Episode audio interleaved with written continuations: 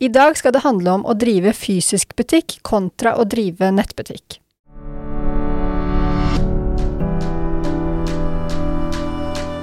Velkommen til Netthandelspodden. I denne podkasten guider vi deg gjennom hvordan du kan drifte og skape vekst i din nettbutikk. Vi har lang erfaring innen netthandel og ønsker å dele alt vi har lært og nettverket vi har bygget opp, til å gi deg enkle, konkrete råd som du kan ta i bruk i hverdagen din. Hver episode har et ressursark knyttet til seg, som du kan laste ned på netthandelspodden.no.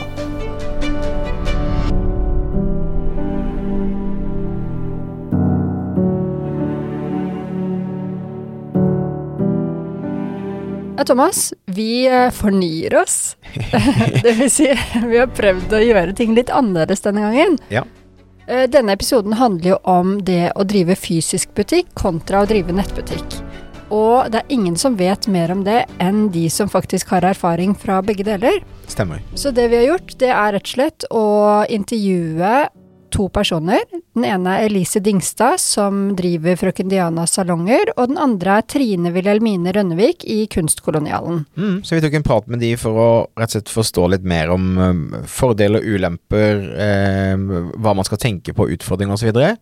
Og også full disclosure, i hvert fall fra min side. Frøken Diana Salonger er en kunde av oss, og du har jobbet også med Ja, tidligere. ja. De er ikke tilfeldig valgt, eh, disse her. Vi har valgt dem fordi at de er flinke både i fysisk butikk eh, og på nett. Mhm. Og grunnen til at vi vet det, er fordi vi begge to har hatt dem som kunder. Ja.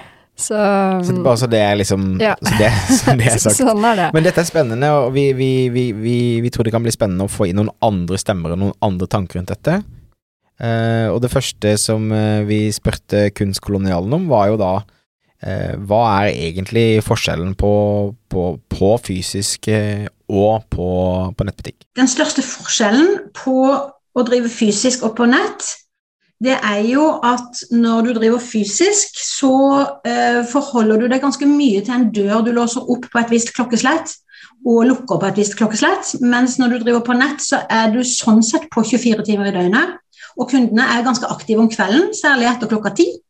Så hvis du, eh, hvis du da også er på, så gagner det salget godt. Men det gjør jo at du mister eh, litt privatliv, og det gjør jo at du nesten ikke har fri i det hele tatt. Ja, her eh, peker jo Trine på noe kjempeviktig, tenker jeg. Eh, det er tydelig at de kunstkolonialene er opptatt av å være på når kundene er på, og det anbefaler jeg vi, kanskje. Ja, absolutt. absolutt. Eh, anbefaler virkelig, virkelig det, men her tenker jeg at det kommer litt an på hvor man er i eh, nettbutikkreisen sin. Mm. Typisk hvis man starter opp, så har man kanskje ikke så mye ressurser. Da er man færre, og man gjør ting selv. Og da vil det kanskje være naturlig at det er du som sitter og er tilgjengelig for kundene der, om de er på etter ti, som de tydeligvis er for uh, Trines uh, kunder, og for mange andre så, ja, om kvelden. Ja, kvelden er ganske, ganske vanlig at eh, folk handler, at folk handler mest, og folk er i modus. Og, og det har jo også dessverre bygget seg opp en slags forventning til å få ganske rask respons på, på um, om du spør på noe på Instagram, eller på Facebook, eller på e-post, eller på chat, osv. Um, så der du fysisk kan låse døren og på en måte komme tilbake til alt dagen etterpå, så er det selvfølgelig um, mye vanskeligere. Så i starten så er nok dette veldig overveldende, og her må man finne sin egen balanse, men fordelen, altså Jo mer tilgjengelig du er, jo bedre er det for, for salget ditt. Eh, og når man vokser etter hvert, så er jo kanskje noe av det første man kan sette bort for å kunne fokusere på markedsføringsdelen og sånn, er jo å, å få andre til å hjelpe deg med å respondere på, på den kundeservice-delen, da. Mm, ja, og du sa dessverre så er det en forventning. Man kan jo snu det til noe positivt også. At når du har startet en eh, nettbutikk, eller driver en nettbutikk, så har du muligheten til å yte en service som du ikke kan yte i fysisk butikk. Det vil si at du kan vinne kampen om kundene ved å ha den tilgjengeligheten. Absolutt. Og, du, og du, kan, du har en fordel når du er alene til at du kanskje orker mer og er mer sulten til å være liksom ekstra på. Helt klart. Mm. Og så, så fort som mulig, egentlig, ta og legge opp til at uh, noen andre enn deg selv kan uh, stå for kundeservice. Ta for eksempel Get Inspired, som jo er flinke til alt mulig. De har kundeservice på Nå husker jeg ikke de nøyaktige tidene, men det er sånn type fredag ettermiddag. Eller fredag kveld. og så er det bestemte tider i helgen som garantert er basert på når de har flest, uh, flest kunder. Et alternativ, bare sånn at vi ikke starter denne episoden med å si at hvis du har nettbutikk, så må du være på hele døgnet. Et alternativ er selvfølgelig at du er supertydelig i kommunikasjonen din ut til kundene med å si når kundeservice er tilgjengelig, og når det ikke er tilgjengelig. Og så må du se an dine kunder også, og den typen produkter som du selger, og dine konkurrenter på nettet, og se hvor nødvendig det er å være på hele tiden. Jeg tror at uh, for vår bransje, klær, tilbehør, småinteriør, at vi har en klar fordel med å drive både fysisk butikk og nettbutikk. Nettopp fordi at vi hele tiden møter kundene, hører om behov, hører spørsmål. Man får vel sikkert også tilbakemelding fra kunder, og det gjør jo vi også, som er bare, rene nettkunder. Men det blir jo allikevel noe helt annet enn daglig å møte kundene i butikk, da. Så jeg føler absolutt at vi har en fordel. Vi har jo ikke starta en nettbutikk, vi har jo starta en fysisk butikk. Og vi er veldig opptatt av den opplevelsen å gi folk eh, noe spesielt når de kommer til butikken vår. Og også prøve å da dra det med videre inn i nettbutikken og gjøre den også til en mer sånn egen, spesiell verden. Som jeg også tror er en fordel for oss at vi kan bruke det i forhold til veldig mange andre nettbutikker som er litt mer sånn A4. Litt plain, bare en haug med produkter, på en måte. Um, at vi, vi, kan bruke det fysiske butikkuniverset vårt da, til også å bringe videre inn i nettbutikken og gjøre den til noe mer spesielt. Da. Den største styrken ved å ha drevet butikk før når du skal starte nettbutikk, det er å ha hatt med kunder å gjøre. Det er å vite hvordan kundene tikker. Og så vil jeg si at eh, varekunnskap, kjenne varene dine, det er ekstremt viktig, viktig, for å være troverdig og for å eh, kunne skryte av dem med, med, oppriktighet. Og for å slippe en haug med reklamasjoner og ting som kommer tilbake. Mm. Så det å ha drevet en butikk før du starter en nettbutikk, eh, er et stort pluss, tror jeg. Som vi først hørte fra Elise, frøken eh, Diana Salonger, og så fra Trine fra Kunstkolonialen, så, så, så, ser man selvfølgelig mange store fordeler også med å eh, ha drevet fysisk butikk før, og hovedpoenget deres er jo, er jo, egentlig at du kommer inn på kunden din på en litt annen måte. Altså, du Det å se kundene ha prøvd klærne dine, det å se folk i øynene når de stiller spørsmål rundt produktene, eh, det å ta imot returer og høre rett rett ansikt til ansikt, hvorfor de returnerer osv. Alle de tingene gjør nok at du er bedre på nettet, for du har en bedre forståelse. Eh, og jeg tror at det blir fort en, en vegg, en usynlig vegg, på grunn av at det er en skjerm mellom deg og kunden din på nettbutikken, så er det vanskeligere å få liksom den connection og liksom naile den eh, opplevelsen da, som eh, Elise var så opptatt av. Mm. Og de, de, peker på noe veldig viktig der med den der nære kontakten til kundene, og det tenker jeg er verdifullt for de som hører på oss som bare driver på nett også. Og virkelig se verdien av å komme så tett på kundene som man naturlig gjør i en fysisk butikk. Så som en sånn oppfordring når man driver nettbutikk, hvordan kan man klare å få den nærheten til kundene? Og det handler jo om å være veldig åpen for feedback og eh, være tilgjengelig, og det, sikkert noe mer. Du kan gjerne supplere meg, ja. supplere meg her, hvis vi skal kanskje ikke ha fasiten her, men eh. Nei, nei og, og, du kan si, jeg tror også det å, der du har muligheten til å ta en telefon til kunden og høre med kundens stemme hvordan de, hvordan, uh, hvordan de er fornøyd med produktet ditt, eller hvorfor de returnerer, og liksom Hvis du aktivt er ute etter å prøve å forstå kundene dine og ha dialog med kundene dine, følge de på sosiale medier, se hva de er opptatt av, se de hva det ligger ut osv. Alle de tingene i, gjør det lettere å forstå og ha en tettere nærhet til, til kundene dine. Vi bruker jo oss selv i veldig stor grad, da. Vi bruker uh, mye tid på å ta våre egne produktbilder, f.eks. Av så å si alt, hvor vi prøver klærne på, prøver øredobber og tilbehør på. Bruker veldig mye video aktivt stories på Instagram hver dag. Ja, og, og, bare på en måte bruke alt det innholdet vi lager og ta det med inn i nettbutikken. Uh, vil jeg jo tro kanskje er en av de viktigste tingene som gjør at, vi, at det blir noe særegent. da. Og, og det tror jeg er for oss make or break, da. Fordi de bildene vi får fra våre eh, leverandører er jo noen ganger så kjedelige at jeg blir helt sånn åh, Jeg skjønner ikke at noen gidder å kjøpe en kjole fra en modell som ser så sur ut, liksom. Man klarer nok ikke å skape de samme personlige øyeblikkene på nett som i fysisk butikk. Eh, for det handler om energien som skjer når du er fysisk nær. Men eh, jeg vil si at sosiale medier gjør at du kommer så nær som mulig. Så det å finne ut hvor kameraet ditt er på telefonen, sånn at du snakker inn i kameraet og ikke i speilet ditt, at, at, du faktisk bruker bevisst øyekontakt til kunden gjennom sosiale medier, at du snakker i du, at du ikke sier 'dere', for de sitter ikke en hel gjeng og ser på det. De sitter alene med telefonen, gjerne. Og at eh, jeg vet jo det at de ofte sitter med uten lyd. Sånn at eh, litt tekst Jeg er ikke veldig flink til å tekste sjøl, men jeg bruker litt tekst bare sånn at de skjønner at jeg faktisk sier noe. Det tror jeg er det nærmeste du kommer.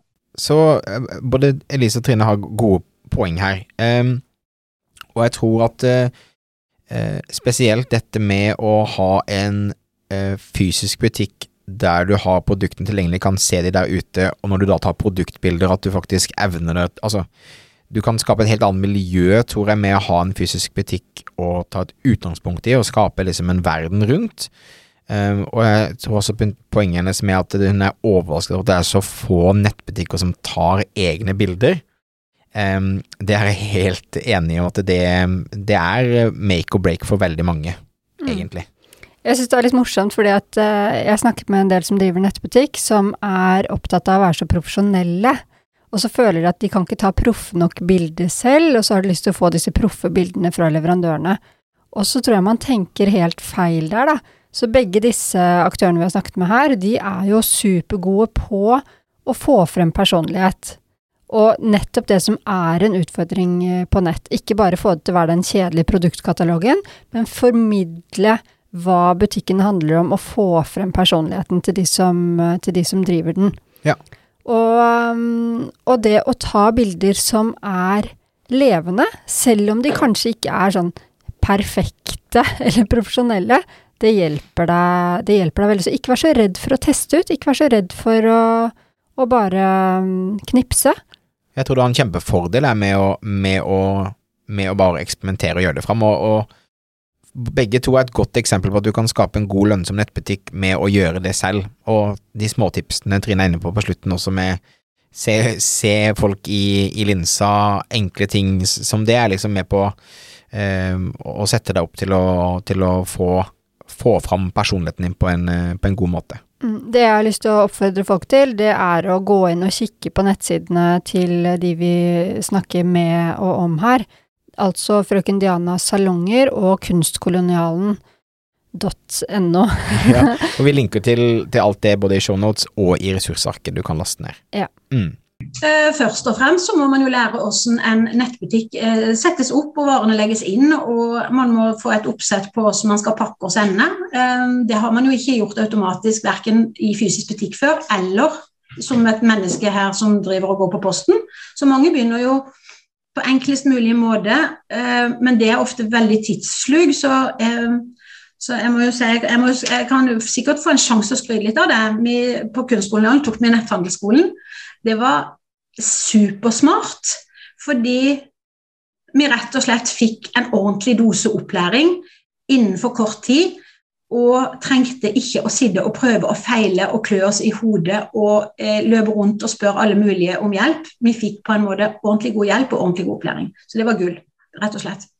Og, og det å starte opp en nettbutikk i tillegg til fysisk butikk, eh, hvis en ikke tenker at det skal koste noe særlig, at det skal være rimelig på en måte, eh, jeg tror det er en dum tankegang, for jeg tror at en er nødt til å se at du må få inn noen eksperter for at du skal få at ikke du bare skal bli krypende langs kanten, liksom. At, at, du skal få tatt av. Det er noe der. Det er noe med å få tatt av. Det, særlig det siste som Trine sier her, det syns jeg det er verdt å stoppe litt opp ved.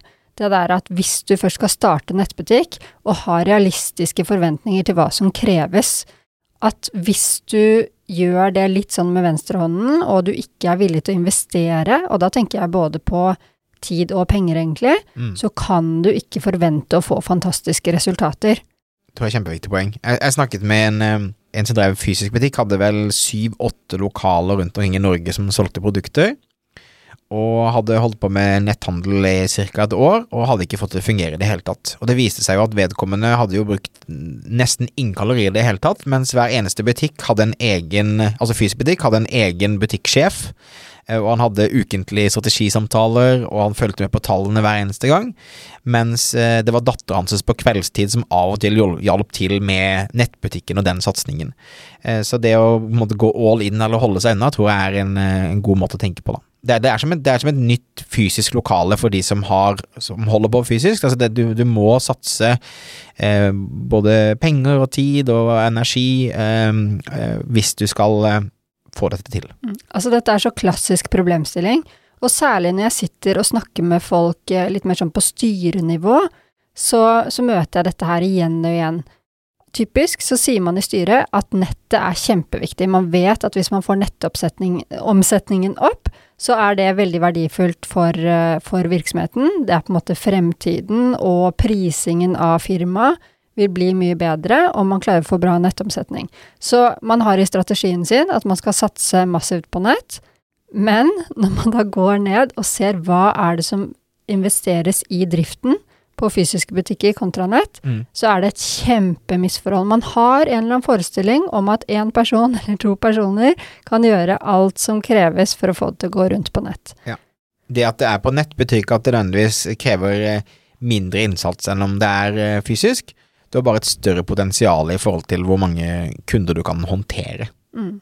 Takk til Trine, som, som, tar, ja, men som sier det så tydelig, da, at du, du må faktisk gå all in. Og det hun snakket om i begynnelsen der, hørtes ut som jeg hadde gitt henne et manus. eller? Ja, jeg er ganske bra på med det. Ja, det hadde jeg ikke gjort. Men uh, det er jo egentlig det vi driver med her i Netthandelspodden. At vi forsøker å bidra til den der kunnskapen som kan hjelpe folk å, å lykkes. Så enten man melder seg på kurs, eller man uh, leier en rådgiver, eller om man da f.eks. hører på Netthandelspodden og laster ned ressursarkene og implementerer det vi sier og det som står der, så det er ikke så farlig hvordan man skaffer seg kunnskapen, men være ydmyk i forhold til at det å skaffe kunnskap, det gjør at du har bedre forutsetning for å lykkes. Vi, vi snakket jo om det med å investere og skjønne at man bør gå all in. Og da er vi jo inne på det der med, med kostnader, og vi snakket med begge damene om det også. Nå har vi ikke tatt med alt de har sagt, for da ville denne episoden bli kjempelang, men de nevnte noen fornuftige ting der. Blant annet det der med å investere i markedsføring. At det er en type kostnad som blir veldig viktig på nettet, som kanskje Altså, man investerer i markedsføring som fysisk butikk også, men det blir på en annen måte. Ja, altså, du kan si mye av den store forskjellen som overrasker mange, er jo at når du har en fysisk butikk, så har du en lokasjon der folk går forbi og kommer inn i butikken din uten at du betaler noen penger for det.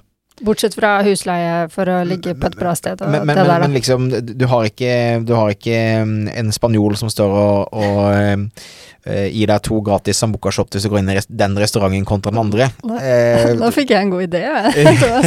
ja, til alle med fysisk butikk. Ja, Ja. du, du har ikke innkastere du betaler på samme måte. Altså, uh, em, eh, lokasjonen din betyr masse, og du betaler selvfølgelig for å ligge der og den type ting, men eh, sånn som noen av kundene våre da, som har også fysisk butikk på kjøpesenter, er vant med at det kommer folk i butikken hele tiden. Mm. Og når de da eh, på nettet, så blir de overrasket over at ikke folk bare tilfeldigvis finner de, hvis ikke mm. de har brukt tid på å bygge en merkevare og bygge lojale kunder osv. Og det er mange av kundene våre som har holdt på i to-tre år, og som, som der 90 av all omsetning kommer fra annonsering, f.eks., så de er kjempesårbare på det. Mm.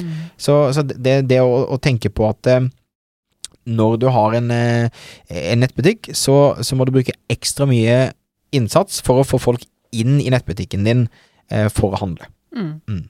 Vi har det siste mer og mer egentlig opplevd at vi selger andre ting på nett enn i fysisk butikk. Andre størrelser, eh, f.eks. Vi har tidligere hatt størrelser i butikken som nesten alltid kommer på salg. Gjerne de store størrelsene, faktisk. Sånn XXL og sånn, som vi gjerne bare har tatt inn et par stykker av. Så selger vi kanskje én, og så den andre den henger der helt til vi kommer på salg. Nå har vi en eksplosjon. Vi selger så mye store størrelser eh, at vi har måttet liksom triple ordrene våre på de store størrelsene fordi de bare forsvinner på nettbutikken med en gang, f.eks. En av grunnene er nok fordi at vi også har uh, begynt å uh, ta enda mer bilder av uh, våre ansatte som er på Excel, og viser dem også mye annonsering og på alle produktbildene nesten at vi har bilder fra oss da, i den størrelsen. det får vi veldig mye positiv tilbakemelding på da, fra kundene. Og så har jeg også snakka med en venninne av meg som er XXL, og hun sier det at det er mange som er i den størrelsen som ikke nødvendigvis elsker å gå i fysisk butikk butikk i prøverom, og at de liker å bestille på nett og prøve hjemme selv og bli fornøyd da. Dette tror jeg er jo kjempeviktig poeng fra, fra frøken Diana-gjengen her, med at eh, både det at du har muligheten til å vise fram produkter på andre måter og andre størrelser på nettet, og at det har en stor effekt på bunnlinja, er en, liksom en, et veldig, veldig godt og viktig poeng. Og også det at du da har muligheten til å nå helt andre mennesker enn i bare rundt lokasjonen av butikken din. ikke sant? Altså Når det plutselig Frøken Diana er i, på, liksom, i bunnen av lokka og, og kan sende, sende, klær til Hammerfest, liksom. Uh, det, det, er jo det, det, det, er helt nye mennesker man får tilgang til, uh, som også kanskje har helt andre behov enn de som er i nærheten. Det Elise sa her om å ta bilder på modeller i forskjellig størrelse, det er en kjempeverdi. For én ting er å vite og se av størrelsesdropdownen at du kan kjøpe XL eller XXL XL eller hva det er for noe, men å se det på en modell, hvordan det ser ut, det er noe helt annet. Og det er ikke så mange som gjør det, faktisk, så det er en mulighet til å skille seg ut eh, positivt. En aktør som gjør det, og som har gjort det i noen år, det er Lululemon som selger treningstøy. Eh, amerikansk merke, tror jeg. Mm -hmm.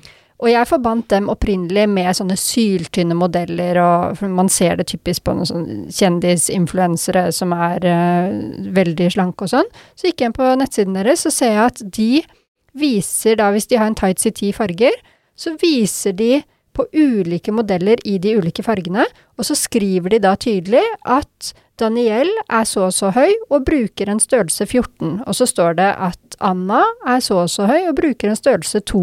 Mm. Og da får du kjempegod informasjon, og mye lettere å ta en uh, kjøpsbeslutning. Så gå gjerne inn og kikk på Lululemon også. Vi lenker selvfølgelig til den siden nå i ressursarket. Mm, og, og um, som også er litt inne på, én eh, ting er å bruke på nettsider, men også tørre å bruke det på annonser. Ja. Um, vi har en del andre kunder også som har fokus på XXL og, og også store størrelser. Og de gjør det helt fantastisk når de, når de viser fram eh, naturlige størrelser, eh, og ikke bare har fokus på syltynne modeller. Mm. Så én ting er nettbutikken, men tør å ta det ut i markedsføringen mm. også, tror jeg er en kjempe, kjempefordel. Hvis du vurder, har fysisk butikk og vurderer å starte nettbutikk, så må du bruke uh, SoMe, tror jeg, kanaler for å nå ut. da, Og vise fram produktene dine på en uh, engasjerende og morsom eller spennende måte, og få innholdet ut på den måten.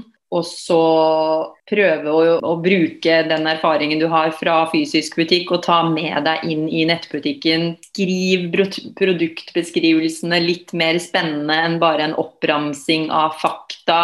Bruk video, og bruk penger på annonsering for å få spredd det ut til de som ikke vet om det fra før. Hvis jeg skulle komme med et råd til de som ønsker, som sitter med fysisk butikk og tenker på å starte nettbutikk Min erfaring er at det er mer jobb enn du tror. Men hvis du skal få deg riktig hjelp, så er det supernyttig å ha en nettbutikk fordi kundene dine er på nett om kvelden på telefonen. Og det er kanskje da de er mest handlelystne. Så hvis du, hvis du ikke har, hvis har handla hos deg på dagen, så kan det være du kan fange de opp på kvelden, men hvis de ikke har handla hos deg på dagen, så går de og handler hos noen andre på kvelden som har de samme varene som det du har. Så det, så det, er, nok, det er nok veldig viktig. Mm. For at kunden skal være fornøyd når du driver en nettbutikk, så må den faktisk stemme. Og du må sende varene ut kjapt. Og du må ha en dialog, og de må kunne returnere og bytte og angre. Og det er akkurat de samme kundene på nett som det er i fysisk butikk. Du får sånn fire-fem skikkelig vriene. Og så har altså jeg sånn 10% kanskje har du litt sånn greier med. Og 90% er drømmekunder og helt gull. Men du opplever akkurat de samme variantene av kunder på nett. Og da må en kanskje være ekstra på servicesida når ikke en har de foran seg. Sånn at vi, vi svelger noen kameler innimellom. Vi gjør jo det. For det vi vet, at det er lett å spre negative kommentarer på nett og på sosiale medier. Det er lett å dømme noen nord og ned hvis du har blitt møtt veldig, på en veldig ufin måte. Så, eh, så, selv om vi snakker med folk på telefonen, så smiler vi jo alltid. For alle vet at et smil kommer tvers igjennom til kunden. Og jeg bruker, jeg bruker sosiale medier ganske mye. Jeg bruker Messenger. Eh, så jeg filmer ofte meldinger til kundene. Så jeg lar de ofte få lov til å se ansiktet mitt når jeg gir dem en beskjed.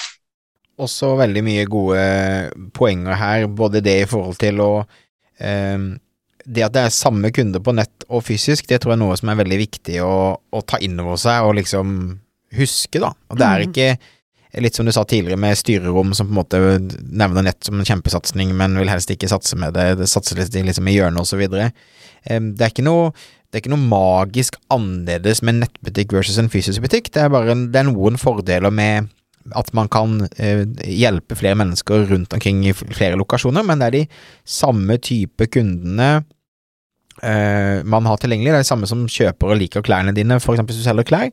Så det er bare at eh, det, det, skjer digitalt, og det krever altså ekstra innsats på, på forskjellige måter, da. Mm. Det, det, er så fort gjort å snakke om nettkunder som brukere. Man reduserer dem fra å være mennesker til å bli brukere, og til å bli trafikk, mm. og til å bli antallet som konverterer. Så det der å hele tiden ha med seg menneskeaspektet Huske at det er de derre det, det, er fine mennesker og så, som Trine sier, 10 sånn middels, middels fine. Drid. ja, men eh, ja, slutt å kalle det brukere og besøkende, men kall det kunder og mennesker. Det tror jeg er en eh, Både når det gjelder til hvordan du uh, kommuniserer på sosiale medier, og hvordan du tenker på nettbutikken, så tror jeg du kommer veldig, veldig langt med det. Og at det er, det er fullt mulig å å få hjelp og få råd og, og, og, um, og få, få liksom veiledning også når du skal stå fast også når du driver på nett. Det er ikke veldig, veldig store forskjeller, det er bare en, to litt forskjellige måter å drive butikk på. Det viktigste jeg har lært etter at jeg begynte å selge på nett Jeg, jeg tror Skal jeg gi deg et kompliment da, Marte? Fordi eh, vi, for oss så var det, og, og det har jeg jo snakka om masse nå, det med at vi, at vi eh, bruker den eh, på en måte tankegangen fra den fysiske butikken inn i nettbutikken, det tror jeg nok altså sånn helt i, i starten at det var eh, du som satte oss på det sporet eh, når vi gikk på, eller da vi gikk på det kurset ditt. Og fram til da så hadde vi nok tenkt bare på nettbutikken som nettopp en sånn katalog, da. Eh, hvor vi bare kunne plassere produktene, og så skulle liksom salget gå av seg selv. og det gjorde det jo ikke. Så for oss så var nok den kanskje det, den største aha-opplevelsen at ja, det er ikke bare å putte inn et produktbilde i en hvit ramme og, og med tre enkle punkter og tro at, eh, at eh, da er det kjempelett å selge på nett. Man må legge like mye sjel egentlig i nettbutikken da, som det du gjør i den fysiske butikken. Det tror jeg nok er den største lærdommen vi har hatt. At man uh, finner sin egen stemme og står ved den, da. Det mm. gjelder også for nyhetsbrev f.eks., hvor det også er mye sånne veldig kommersielle maler på hvordan man skal gjøre ting, eh, og hvordan man skal kommunisere og, og sånn. Der også velger vi å bare kjøre vår helt egen linje med mye mer historiefortelling og prøver å lage en nyhetsbrev som har en, en viss form for innhold, da, og ikke bare er en sånn salgsposter eh, som vi, vi, kopierer ut hver uke. Vise ord og gode ord om deg også? ja. ja. det er veldig hyggelig. Det jeg likte godt at hun tok frem her, det var det med e-post. For det mhm. er så fort gjort at vi snakker om nettbutikken som en isolert greie, at uh, det bare er selve den nettsiden. Men det å drive på nett, det er jo alt dette rundt også. De har begge to nevnt sosiale medier, som er uh, viktig, og der uh, både Kunstkolonialen og Frøken Dianas salonger er kjempeflinke. Mm. Og nyhetsbrev, eller e-postmarkedsføring, er jo Vi har sagt det så mange ganger. Jep, yep. Men vi kommer ikke utenom det nå heller. At det er en så viktig kanal. Og da alle de tingene som de har vært igjennom i løpet av den samtalen vi har hatt uh, her nå, de gjelder jo også i, uh, i e-postene og i alle kanalene man kommuniserer. Så det der med å få frem personligheten uh, din, det, ta det med deg uansett uh, hvilken kanal du kommuniserer i. Så både Frøkedalens salonger og Kunstkolonialen angrer jo på ingen, på ingen måte på at de startet på nett, men, men um, etter å ha hørt disse intervjuene, hva, hva tenker du da, Marte, for en, en fysisk butikk som vurderer å gå på nettet? Um, hva, hva, hva bør man tenke, og hva slags prosess bør man gå gjennom før man eventuelt bestemmer seg for det? Man skal eh, bestemme seg på ordentlig. Altså, man skal ikke bare teste ut litt sånn forsiktig, fordi at det å teste ut uten å sette noen ressurser på det, da gir du ikke deg selv gode forutsetninger for å lykkes. Så, så virkelig gå inn for det, hvis du, hvis du vil gjøre det. Og så ha selvtillit, fordi at den erfaringen du har fra fysisk butikk, den er kjempeverdifull. Du kjenner kundene dine, du kjenner produktene dine, du kjenner markedet så godt, og det vil jeg nesten si er den viktigste kunnskapen du har. Så alt det der tekniske, det kan du for det første få hjelp til, og for det andre lære deg, steg for steg. Så, men virkelig, å ta med den der eh, kunnskapen du har, og bruke den på nettet. Og også bruk litt tid på å tenke gjennom hva er det som er våre sterke sider? Hva er det som gjør at folk oppsøker oss i den fysiske butikken? Hvorfor er kundene fornøyd med oss i den fysiske butikken? Og så anstrenger du deg for å ta med det ut på nettsiden, sånn at du ikke bare får en sånn kjedelig produktkatalog på nett, men at du får den derre fine butikken med atmosfære også digitalt. Veldig bra. Jeg kunne ikke satt det bedre sjøl, så jeg tror vi rapper opp der. Uh, ressursarket, husk at det kan laste ned på um, i shownotene. Oppsummere alle hovedpoengene der. Nettet kommer for å bli, men Tror du det? Tror du det, Thomas? Men nettet trenger folk med personlighet og folk som bryr seg, og, og det kan være deg. Så takk, last ned ressursarket, og tusen takk til både Trine og Elise for å dele litt uh, av tipsene sine med oss. Ja, tusen takk.